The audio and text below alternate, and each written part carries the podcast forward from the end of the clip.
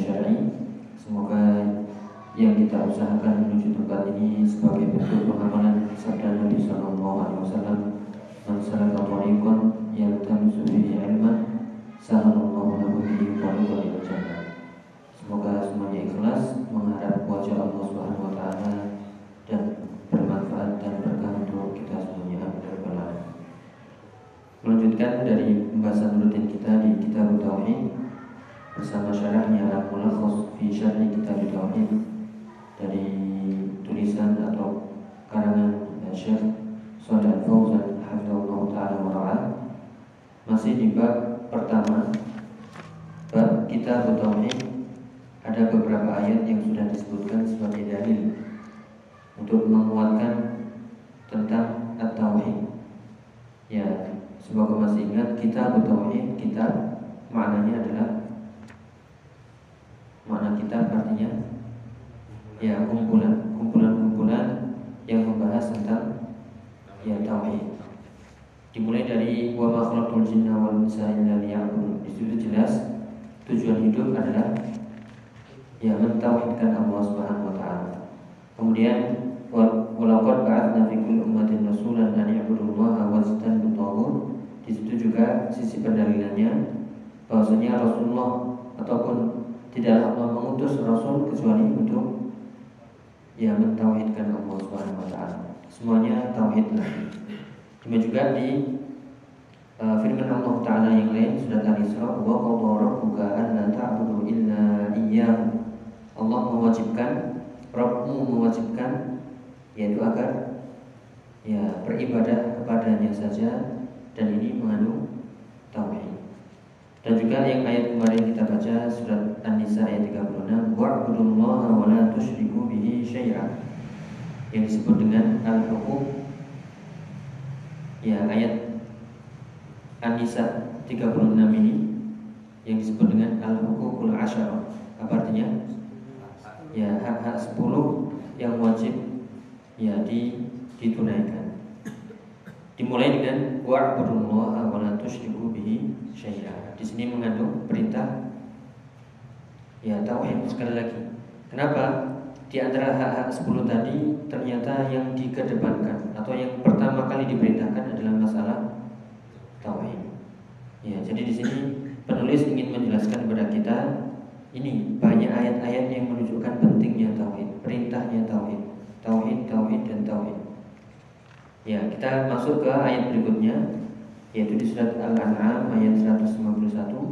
Nah, ini juga kita harus melihat kira-kira mana dari sisi pendalilan uh, ayat ini kenapa disebutkan? Di situ tertulis Al-An'am 151 sampai 153. Seharusnya ayatnya ini panjang. Akan tapi penulis yaitu Syekh Muhammad bin Abdul Wahab rahimahullah hanya memotong saja. Kenapa kok dipotong? Kepanjangan. Ini kitabnya sudah panjang. Ya, atau pulpennya habis ya berbaik sangka ya mungkin yang pertama berbaik sangka karena sudah hafal semuanya padahal juga belum ya apa kira-kira ya ini dari sisi ilmu ya dari sisi uh, ilmu bukan dari sisi husnudon dari sisi ilmu ketika seorang ulama menuliskan dalil itu biasanya langsung ditulis apa Ya istidlalnya Inti dalilnya itu apa Ya dari ayat ini Surat Al-An'am 151 153 Ini bisa dicatat tambahannya. Kalau di ayat An-Nisa 36 itu disebut dengan al-huququl asyarah. Apa tadi? Hak-hak 10 yang wajib ditunaikan. Kalau yang ini dinamakan al-wasaya al-ashru. Yang tadi sudah saya kirim di WA ya. Al-wasaya al-ashru min suratil an'am. Artinya apa? Al-wasaya al-ashru. Wasiat. Ya, wasiat-wasiat 10 dari surat Al-An'am. Bisa dilihat lagi uh, Al-Wasayil Ashru min Suratil An'am. Di grup baris tadi sudah kita kirim. Ya, di situ Al-An'am 151, 152, 153. Ya, tentu kita sebagai tolabul ilmi kita tidak mau menghemat. Maksudnya apa menghemat? Ya, ringkas-ringkas saja lah yang menurut di sini, nggak usah dibahas yang yang panjang-panjang. Ya ini akan uh, kehilangan kita, kehilangan sesuatu atau ilmu yang berharga. Karena di sini penulis sekali lagi mungkin dari husnudon, ya dan juga ingin menyebutkan inti pendalilannya, istidlalnya. Bahasa lainnya itu ada yang menamakan wajhul istidlal, sisi pendalilan atau syahid, apa syahid? Ya, titik poin pentingnya dari ayat. Ya, itu yang mana? Nah dari ayat ini ternyata panjang ya Bisa dilihat di WA itu ada 10 wasiat Ya Allah subhanahu wa ta'ala kepada Ya hamba-hambanya Ya yang dikenal dengan Al-Wasayil Ashru 10 wasiat yang disebutkan di surat Al-An'am Ya bahkan dikatakan oleh Ibnu Mas'ud setelah ini Man arada an yanzura ila wasiyati Muhammad sallallahu alaihi wasallam allati 'alaiha khatamahu falyaqra qawlahu ta'ala Qul ta'alu atlu ma harrama rabbukum 'alaikum sampai akhir ayat. Ya, kita juga kita bukan diminta untuk membaca potongan ayat tapi sampai ya sampai sampai akhir ayat. Ya, siapa yang ingin melihat wasiat Nabi Shallallahu Alaihi Wasallam yang sudah ada stempelnya, yaitu hendaklah dia membaca firman Allah surat Al-An'am 151 sampai 153. Ya, jadi kita sedikit di sini membahas Al-An'am 151, 50, 152 sampai 153. Atau kita hemat saja, pakai hemat. Ya, kita nggak mau sedikit ilmu berharga juga, yaitu di hadapan kita. Makanya di sini kita selain yang di WA tadi juga Eh, kita melihat tafsir dari tafsir As-Sa'di yang ringan insyaallah semoga bisa diambil ya faedahnya. Tapi mungkin ada yang membaca ayatnya. Al-An'am 151, 152 sampai 153. Gantian mungkin 151 dulu. Silakan. Ya. Yang panjang. Yang panjang satu ayat satu ayat ini tiga ayat ya qul ta'ala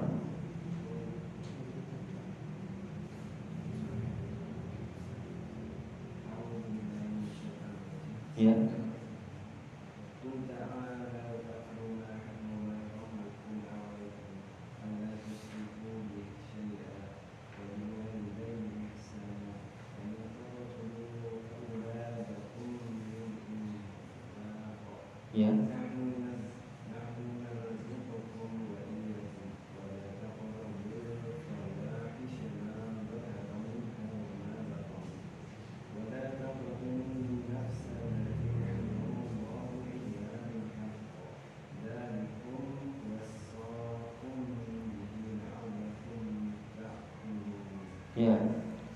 berikutnya. Yang lain monggo. 152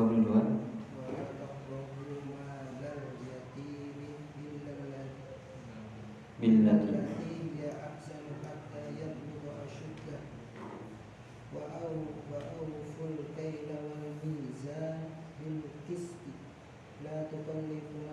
la nukallifu la tukallifu nafsan illa tukallifu atau nukallifu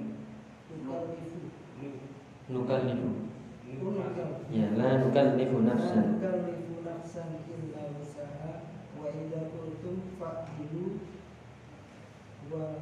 Walau kana qurba. dza qurba wa bi ahdillahi awfu dzalikum Dzalikum wassakum bihi la'allakum tadhakkarun. ya terakhir. Wa anna hadza sirati Silakan.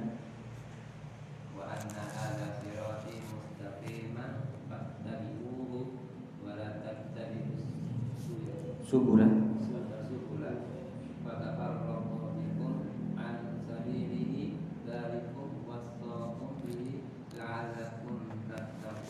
ya di situ di surat Al-An'am 151 sampai 152 mengandung wasiat-wasiat 10 Ya ini alhamdulillah eh, sudah kita kirimkan di situ bisa dilihat eh, al-wasaya al-ashru sudah ada nomornya. Ya, kita tinggal melihat saja. Kalau kita nyari sendiri susah ini. Ya, coba ya kita baca. Qul ta'alu atlu ma harrama rabbukum 'alaikum alla tusyriku bihi syai'a wa bil walidaini ihsana. Ya, di situ sudah ada nomornya. Wasiat pertama, wasiat Allah dan Rasulnya yang pertama adalah apa? Ya, alla tusyriku bihi syai'a. Janganlah ya berbuat syirik. Di antara wasiat-wasiat 10 ini sisi pendalilan kenapa kok disebutkan di kitab tauhid? Ya, ternyata nomor urut pertama adalah ya jangan berbuat syirik. Berarti kebalikannya harus ber, bertauhid. Sehingga ya dari wasiat-wasiat yang penting ini ternyata yang paling penting di antara yang paling penting adalah wasiat masalah tauhid. Makanya tauhid, tauhid, tauhid terus di ya diulang-ulang dipelajari. Ya tidak boleh ditinggalkan sedikit pun kalaupun kitabnya selesai ya ulang lagi. Pakai cara yang lain dan seterusnya. Ya ini kalau kita membahas kitab tauhid selesai tapi kita kan nggak ingin kehilangan faedah ya. Faedah dari ayat surat al-an'am ayat ya lim- eh, 151 152 satu- sampai 153 Ya di sini kita bacakan dari penjelasan Syekh Abdurrahman As-Sa'di dalam tafsirnya. Uh, Yaqulullahu ta'ala li nabihi Qul. Masih ingat di sini kalau dikatakan qul maka yang ditujukan adalah ya yaitu ya Muhammad qul. Wahai Muhammad katakanlah kepada siapa? Ya di sini kepada haula'il ladzina harramu ma ahallallah. Yaitu ta'alau utlu ma ya ta'alau itu artinya ya ke sini kemari. Yaitu mengajak siapa? Orang-orang ya orang-orang ahlul kitab. Yaitu atau orang-orang kafir ya Quraisy. Yang mereka mengharamkan apa yang Allah halalkan.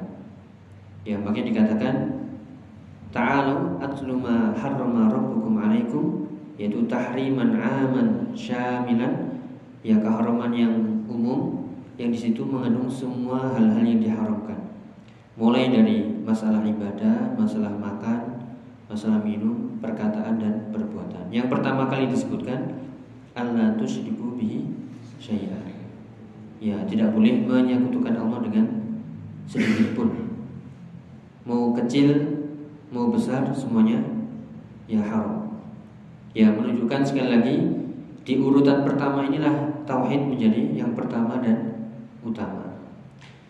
Di sini disebutkan hakikat syirik adalah an ya'budallah an ya'budal makhluk atau an yu'badal makhluk kama yu'badullah. Yaitu ketika makhluk diibadahi sebagaimana diibadahi Allah, diibadahi Allah atau kita ulangi ya. Makhluk diibadahi sebagaimana Allah diibadahi atau makhluk disembah sebagaimana Allah di, disembah. Itulah hakikat syirik. Yang seharusnya Allah yang berhak diibadahi ini malah ditujukan kepada makhluk. Atau mengagungkan makhluk sebagaimana mengagungkan Allah. Ini juga termasuk syirik. Memalingkan sedikit saja dari rububiyah uluhiyah asma wa sifat maka ini termasuk ya syirik. Maka Allah tusyriku bihi syai'a kemudian yang kedua wabil walidaini ihsana Wasiat yang kedua adalah ya wabil walidaini ihsana, berbuat baiklah kepada kedua orang tua. Ya, baik akwal perkataan, ya af'al, ya perbuatan zahirah atau batinah, yang nampak ataupun yang tersembunyi. Inti dari birrul walidain itu apa kira-kira? Intinya apa birrul walidain itu? Ya, intinya berbuat baik kepada orang tua, intinya ngasih uang. Ya, apakah harus berbentuk harta? Ya, intinya disebutkan di sini adalah idkhalus surur fi fi qalbi al-walidain. Yaitu memberikan apa? kebahagiaan pada hati orang tua. Baik dengan perkataan, perbuatan, ya mau harta, mau senyuman, mau sikap, yang penting membuat hati orang tua senang itu namanya birrul walidin. Bukan hanya yang ngasih uang tapi ngasihnya nyo. Ya. Bukan, tapi ya yang penting membuat hati orang tua bahagia, senang itu namanya birrul walidin. Sehingga dikatakan ihsan itu jika ada kebaikan yang masuk di hati orang tua. Ya jadi semuanya perkataan, perbuatan, sikap, senyuman, ya gerak gerik kita selama itu membahagiakan orang tua, ya kita sudah namanya birul ya birul walidain. Misalnya orang tua jauh misalnya, ya yang yaitu dengan memberi apa? Ya entah hadiah atau kabar, telepon dan lain sebagainya. Ya jika orang tua sudah meninggal maka ya mendoakan. Intinya memberikan kebahagiaan pada hati ya orang tua. Jika muncul kebahagiaan ya maka tidak dikatakan rukukul walidin lawan dari birrul walidin yaitu yang disebutkan oleh uh, Syekh Abdul Rahman Sa'di yang penting ada manfaat untuk orang tua dan hatinya bahagia mau dengan bentuk apa pun itu namanya sudah ya birrul walidin ya kemudian itu wasiat yang kedua. Wasiat yang ketiga apa? Wala tak wala taqtulu auladakum artinya jangan Wala taqtulu artinya jangan engkau membunuh anak-anakmu. Ya, ini bisa diartikan membunuh hakikatan ya atau membunuh ya membunuh uh, seperti di zaman jahiliyah yaitu dikubur ya hidup-hidup ya atau memang benar-benar membunuh. Kenapa kok dibunuh? Lihat sebabnya itu. Yaitu la taqtulu auladakum min imlaq Ya imlak itu karena sebab ya miskin. Ya sudah anaknya banyak, akhirnya tawakalnya berkurang. Ya nggak jadi bahagia, dibunuh malah. Ya ini yaitu membunuh anak karena takut miskin, ini nggak boleh. Bahkan ini masuk urutan ke berapa? Ya ketiga. Kenapa? Allah sudah menjanjikan nahnu narzuqukum wa iyyahum. Yang memberi rezeki anak itu bukan kamu tapi nahnu Allah. Ya kita hanya dititipin saja. Dititipin apa? Rezekinya si anak mampir ke kita. Kenapa? Karena anak nggak bisa nggak bisa jadi kerja. Ya nggak bisa bekerja. Hanya dititipkan ke kita saja. Ini rezeki untuk anak untuk istri dan seterusnya. Makanya di sini haram hukumnya ya membunuh ya anak karena takut miskin. Ya jadi semuanya sudah ada ya jaminannya masing-masing. Ya seperti di zaman jahiliyah yang sangat zalim yaitu ketika mereka uh, baik laki-laki ataupun perempuan yang perempuan khususnya perempuan itu dianggap sebagai aib sehingga yang mereka tega yaitu membunuhnya dengan menguburnya hidup-hidup. Ya di sini ada faedah ya membunuh karena takut miskin yaitu tidak diperbolehkan yaitu anak mereka sendiri. Demikian juga membunuh karena masalah yang lain atau karena atau membunuh anak orang orang lain ketika ya misalnya ya dia takut ini janganlah kalian membunuh anak-anak kalian karena takut miskin. Akhirnya saya menyuruh ya pembunuh bayaran. Ya sama saja. Ya atau kita melihat itu saya mau menyelamatkan si fulan kenapa anaknya buahnya dia pekerjaannya begitu-begitu aja ya kita bunuh aja ya nggak boleh sama semuanya intinya uh, kefakiran bukan sebagai ketakutan itu ujian Kenapa? Semuanya sudah ada ya yang memberi rezekinya. Lihat ayatnya sekali lagi. Nahnu narzuqukum wa iyyahum. Kami yang memberi rezeki kalian dan juga iyyahum. Iyyahum ini kembali ke hum. Hum siapa? Ya anak-anak, anak-anak kalian. Ya anak-anak kalian kan hum, bukan kum. Kalau kum antum, kalau hum mereka. Mereka siapa? Ya anak-anak itu. Ya, jadi uh, jangan takut banyak anak ya. Uh, ya, semuanya sudah uh, ada yang menjamin. Kemudian uh, yang ke yang keempat wala taqrabul fawahisha. Artinya apa di sini? Ya, ini lafaz taqrabu artinya jangan mendekati. Ya, seperti dalam ayat yang lain wala zina. Mendekati saja tidak boleh apalagi sampai ya fa'alu sampai benar-benar melakukan. Ini berarti perintah yang sangat menekankan yaitu sekedar mendekati saja itu tidak diperbolehkan apalagi ya sampai melakukan. Ya al-fawahish yang dimaksud ini adalah perbuatan fahisyah yaitu berupa apa? Ya perzinahan baik ma dhahara minha wa ma yang nampak ataupun yang tersembunyi. Ya karena kita di zaman sekarang semuanya serba online. Ya mau fahisyah online bisa. Bisa? Ya kalau zaman dulu kita harus pergi transaksinya kan harus pergi ya. Ya harus keluar. Kalau sekarang lewat lewat HP pesan, ya mau janjian di mana bisa. Ya ini fitnahnya semakin besar. Dan benar ini ma minha wa ma yang nampak ataupun yang yang tersembunyi. Ya, tidak boleh atau janganlah kalian mencoba-coba ya mendekati fahisyah ya dengan e, melakukannya baik yang nampak ataupun sembunyi-sembunyi. Ya, jadi larangannya ini bersifat lebih menekankan kenapa memakai lafaz takrobu, jangan mendekat. Bukan jangan melakukan, tapi jangan mendekat. Kalau sudah ada rambu-rambu, jangan coba-coba mendekat. Ya, kemudian yang kelima, wala wala taqtulun nafsan allati haramallahu illa bil. Janganlah kalian membunuh jiwa yang Allah haramkan kecuali dengan hak. Ya, selama dia muslim, ya mau dia baik, mau dia soleh, mau dia fasik, mau dia munafik, ya bahkan orang kafir sekalipun boleh dibunuh.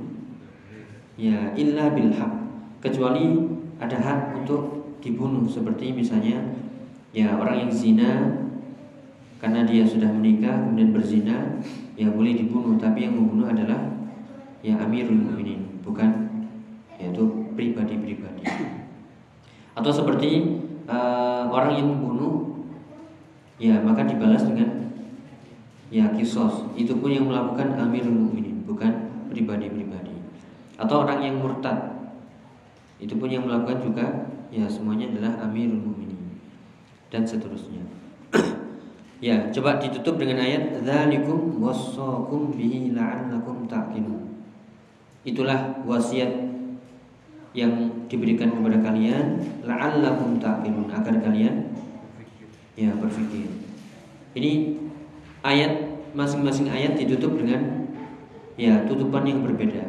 Ada la'allakum taqilun, la'allakum tadzakarun dan yang terakhir la'allakum tattaqun. Ya, yang pertama agar kalian berpikir. Ya, tadi kan syirik tauhid kalau kita pikir ya tentu ya lebih selamat adalah mentauhidkan Allah Subhanahu wa taala.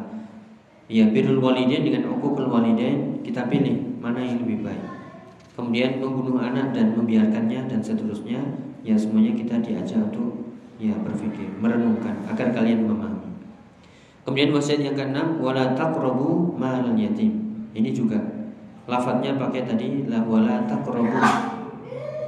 Berarti harus benar-benar hati-hati masalah ya harta anak anak yatim. Jangan sampai kita uh, dengan alasan saya kan pengurus anak yatim, jadi boleh. Kalau pas lagi makan-makan ya saya ambil dari uang itu kita ikut ya atau ya memanfaatkan rekening misalnya ditulis untuk anak yatim tapi ya dimanfaatkan untuk yang lain entah itu pembangunan atau masuk kantong sendiri untuk transportasi dan lain sebagainya ini berbahaya ya jadi uh, wala taqrabu malal yatimi illa billati hiya ahsan. Kecuali yang baik. Ini ada amanah tersendiri ketika mengurus harta anak yatim. Kapan itu diurus? Hatta yablugha asyuddah. Sampai? Apa artinya ya belum sudah ya sampai dia balik dan dia sudah mengerti ya uang.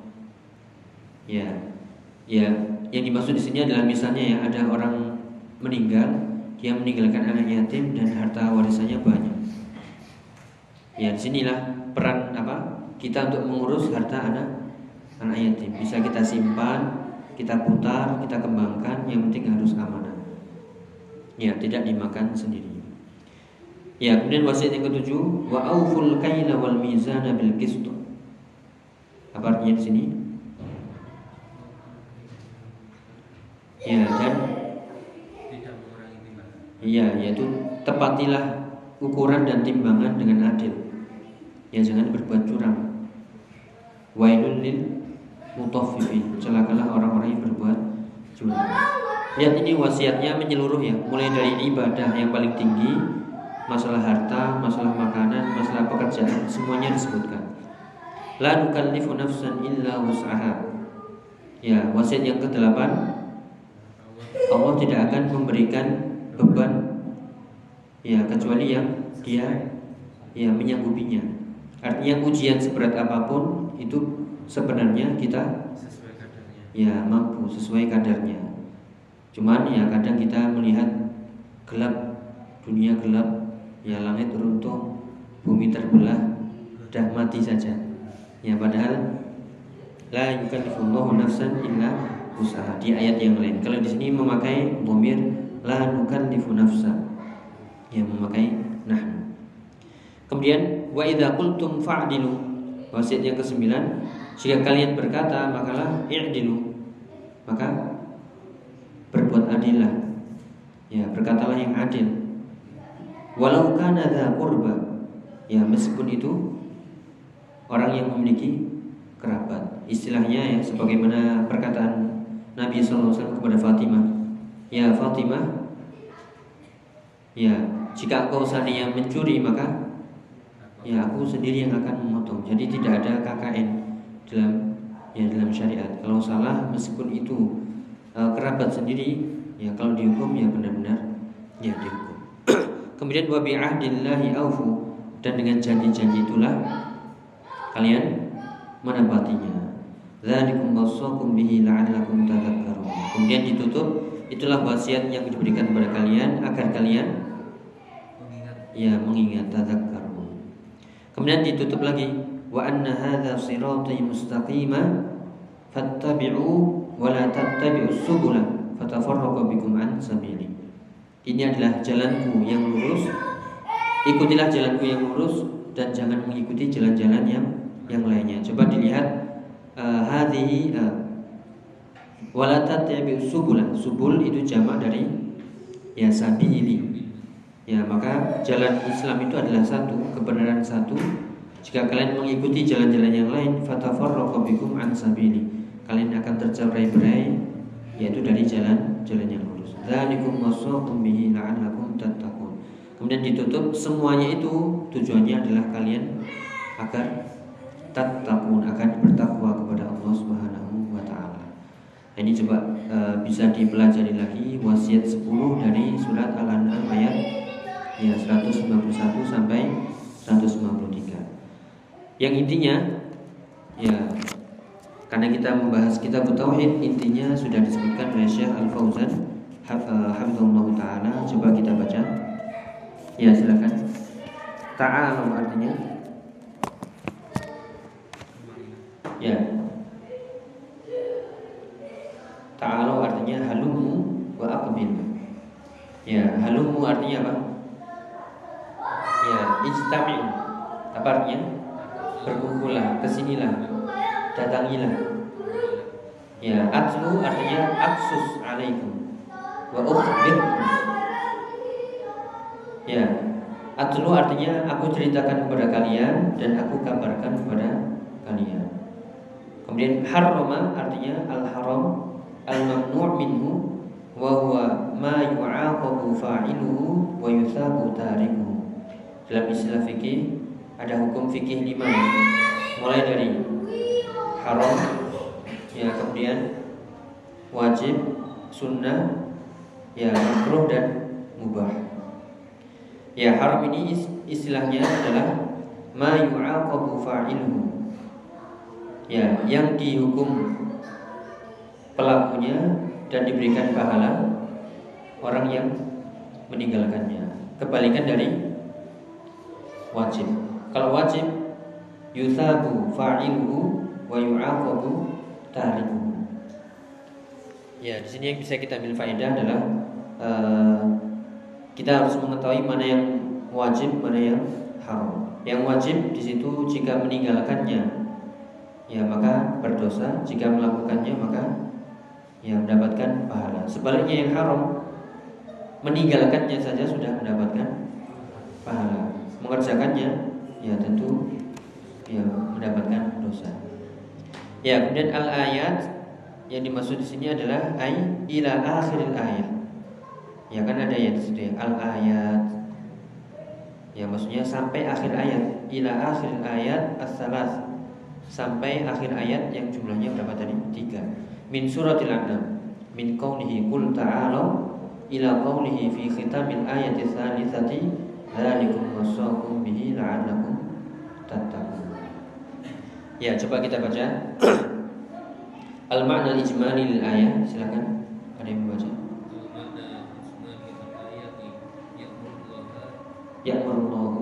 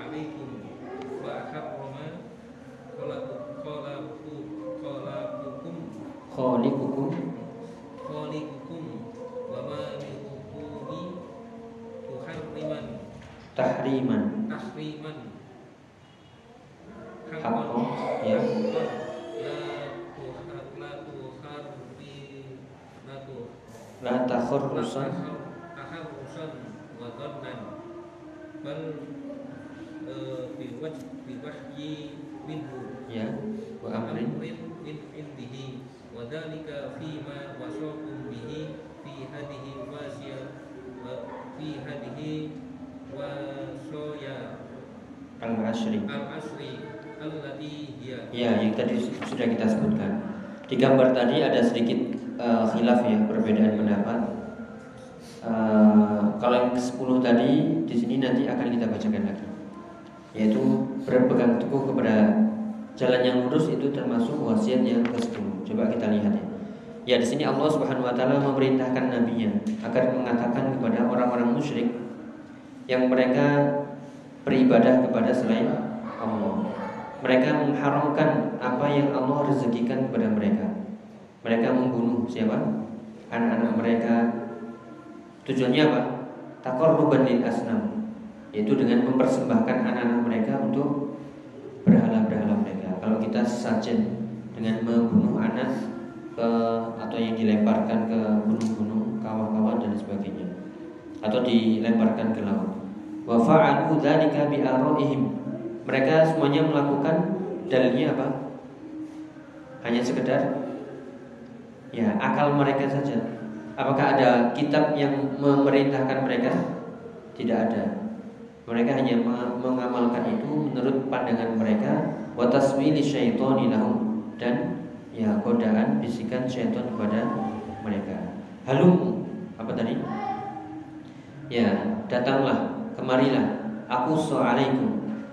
Aku kabarkan kepada kalian yang benar-benar yang Allah haramkan dari Rob kalian yang benar-benar haram bukan menurut pendapat kalian, bukan menurut nafsu kalian, tapi ini bukan prasangka tapi benar-benar dari ya wahyu Allah Subhanahu wa taala. Ya coba yang kita lihat yang pertama masalah wasakum alla tusyriku bihi. Ya itu nomor satu yang bisa diterjemahkan larangan berbuat syirik. Kemudian sanian yang kedua wajib berbuat baik kepada orang tua birrul walidain. Kemudian yang ketiga tidak boleh membunuh ya anak karena takut miskin dengan menguburnya hidup-hidup atau ya perbuatan yang lainnya. Kemudian yang keempat yaitu jangan mendekati fahisha perbuatan zina yang nampak ataupun yang tersembunyi. Kemudian yang kelima larangan membunuh jiwa kecuali dengan dengan hak. Baik mukmin ya baik kafir muahad ataupun kafir uh, dalam perjanjian maka tidak boleh dibunuh ya kecuali dengan Kemudian yang keenam tidak boleh mendekati ya dengan memanfaatkan harta anak anak yatim. Yang ketujuh wa auful kaila wal mizana bil qist. Ya, tidak berbuat curang. Nah, yang tadi digambar tadi ya, itu kan disebutkan la nukallifu nafsan illa usaha. Itu poin tersendiri. Nah, ternyata di sini digabungkan. Itu perbedaannya tadi. Ya, kemudian yang kedelapan wa idza qultum fa'dilu walau kana qurba berbuat adilah meskipun itu pada kerabatmu sendiri. Kemudian yang kesembilan, wa ahdillahi aufu dan kepada janji-janji Allah itu penuhilah, amanahlah terhadap janji-janji Allah. Ya, janji-janji ini seperti apa contohnya? Ya, akad-akad kerja kita, akad jual beli, akad nikah, akad kerja, itu kan atas nama siapa? Ya, atas nama Allah. Semuanya atas nama Allah. Itulah yang harus kita penuhi. Yaitu wa'aufu bil uqud. Penuhilah akad-akad kalian. Kemudian yang ke-10 nah ini. Berpegang teguhlah kepada jalan yang lurus. Jangan kalian mengikuti jalan-jalan selain selainnya. Karena itu akan memecah belah kalian dari jalan yang itu perbedaannya. Yaitu kita ikuti yang di sini uh, meskipun ya kalau kita bilang kalau dalam urusan tafsir itu namanya khilaf apa? Ya khilaf tanawu Bukan khilaf tautut Khilaf yang sedikit berbeda tapi bisa digabungkan. Bukan khilaf yang satu ke kanan, satu ke kiri Kemudian pecah, tidak.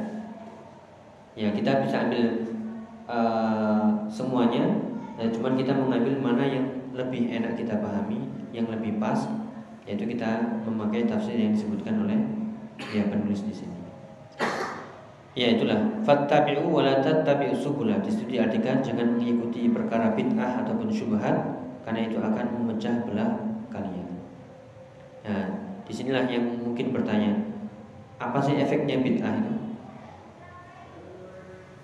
Ya, memecah belah. Ya, memecah belah umat. Jadi ketika seorang memperingatkan dari bid'ah bukan artinya sedang memecah belah umat, justru itu sedang ya menyatukan umat. Ya karena dengan bid'ah pecah semuanya. Ya masing-masing ya punya pendapat sendiri itu pun tanpa ya dalil. Wallahu taala ana bismillah. Tapi mungkin itu yang bisa kita bahas. Semoga bisa diambil faedahnya. Masih belum selesai ya. Kita hanya melihat tadi sisi pendalilan agar tidak kehilangan uh, faedah dari ayat. Tapi mungkin ada yang ditanyakan? Iya silakan. kan sebagai pengurus yayasan anak yatim terus kita mendapatkan dari orang lain itu dikasih mobil. Ya, dilihat akadnya. Ini mobil untuk pengurus yayasan. Atau untuk anak yatim? Untuk lembaga yayasan atau untuk anak yatim? Kalau itu untuk pengurus yayasan, ya berarti untuk semuanya ya bukan untuk pribadi ketua yayasan tapi untuk pengurus. Tapi kalau itu uangnya misalnya saya infak untuk anak yatim. Nah ini nggak boleh masuk ke pengurus-pengurus. Karena ceritanya iya. Dia kan ke situ minta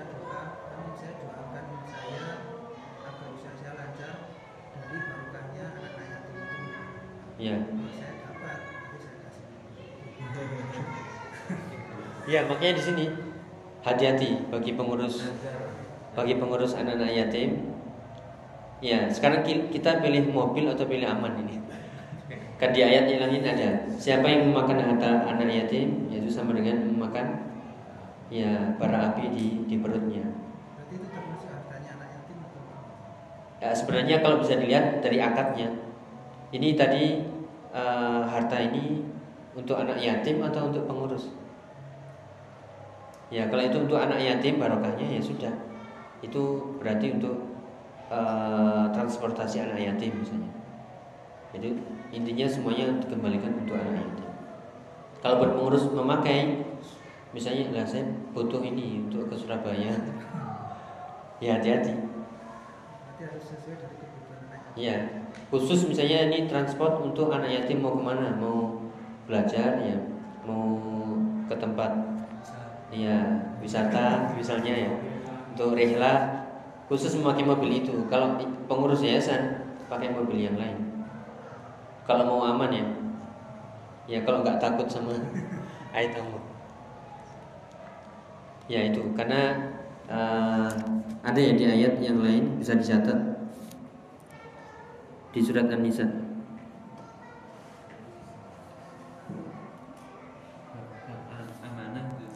Ya, eh, ancaman bagi orang yang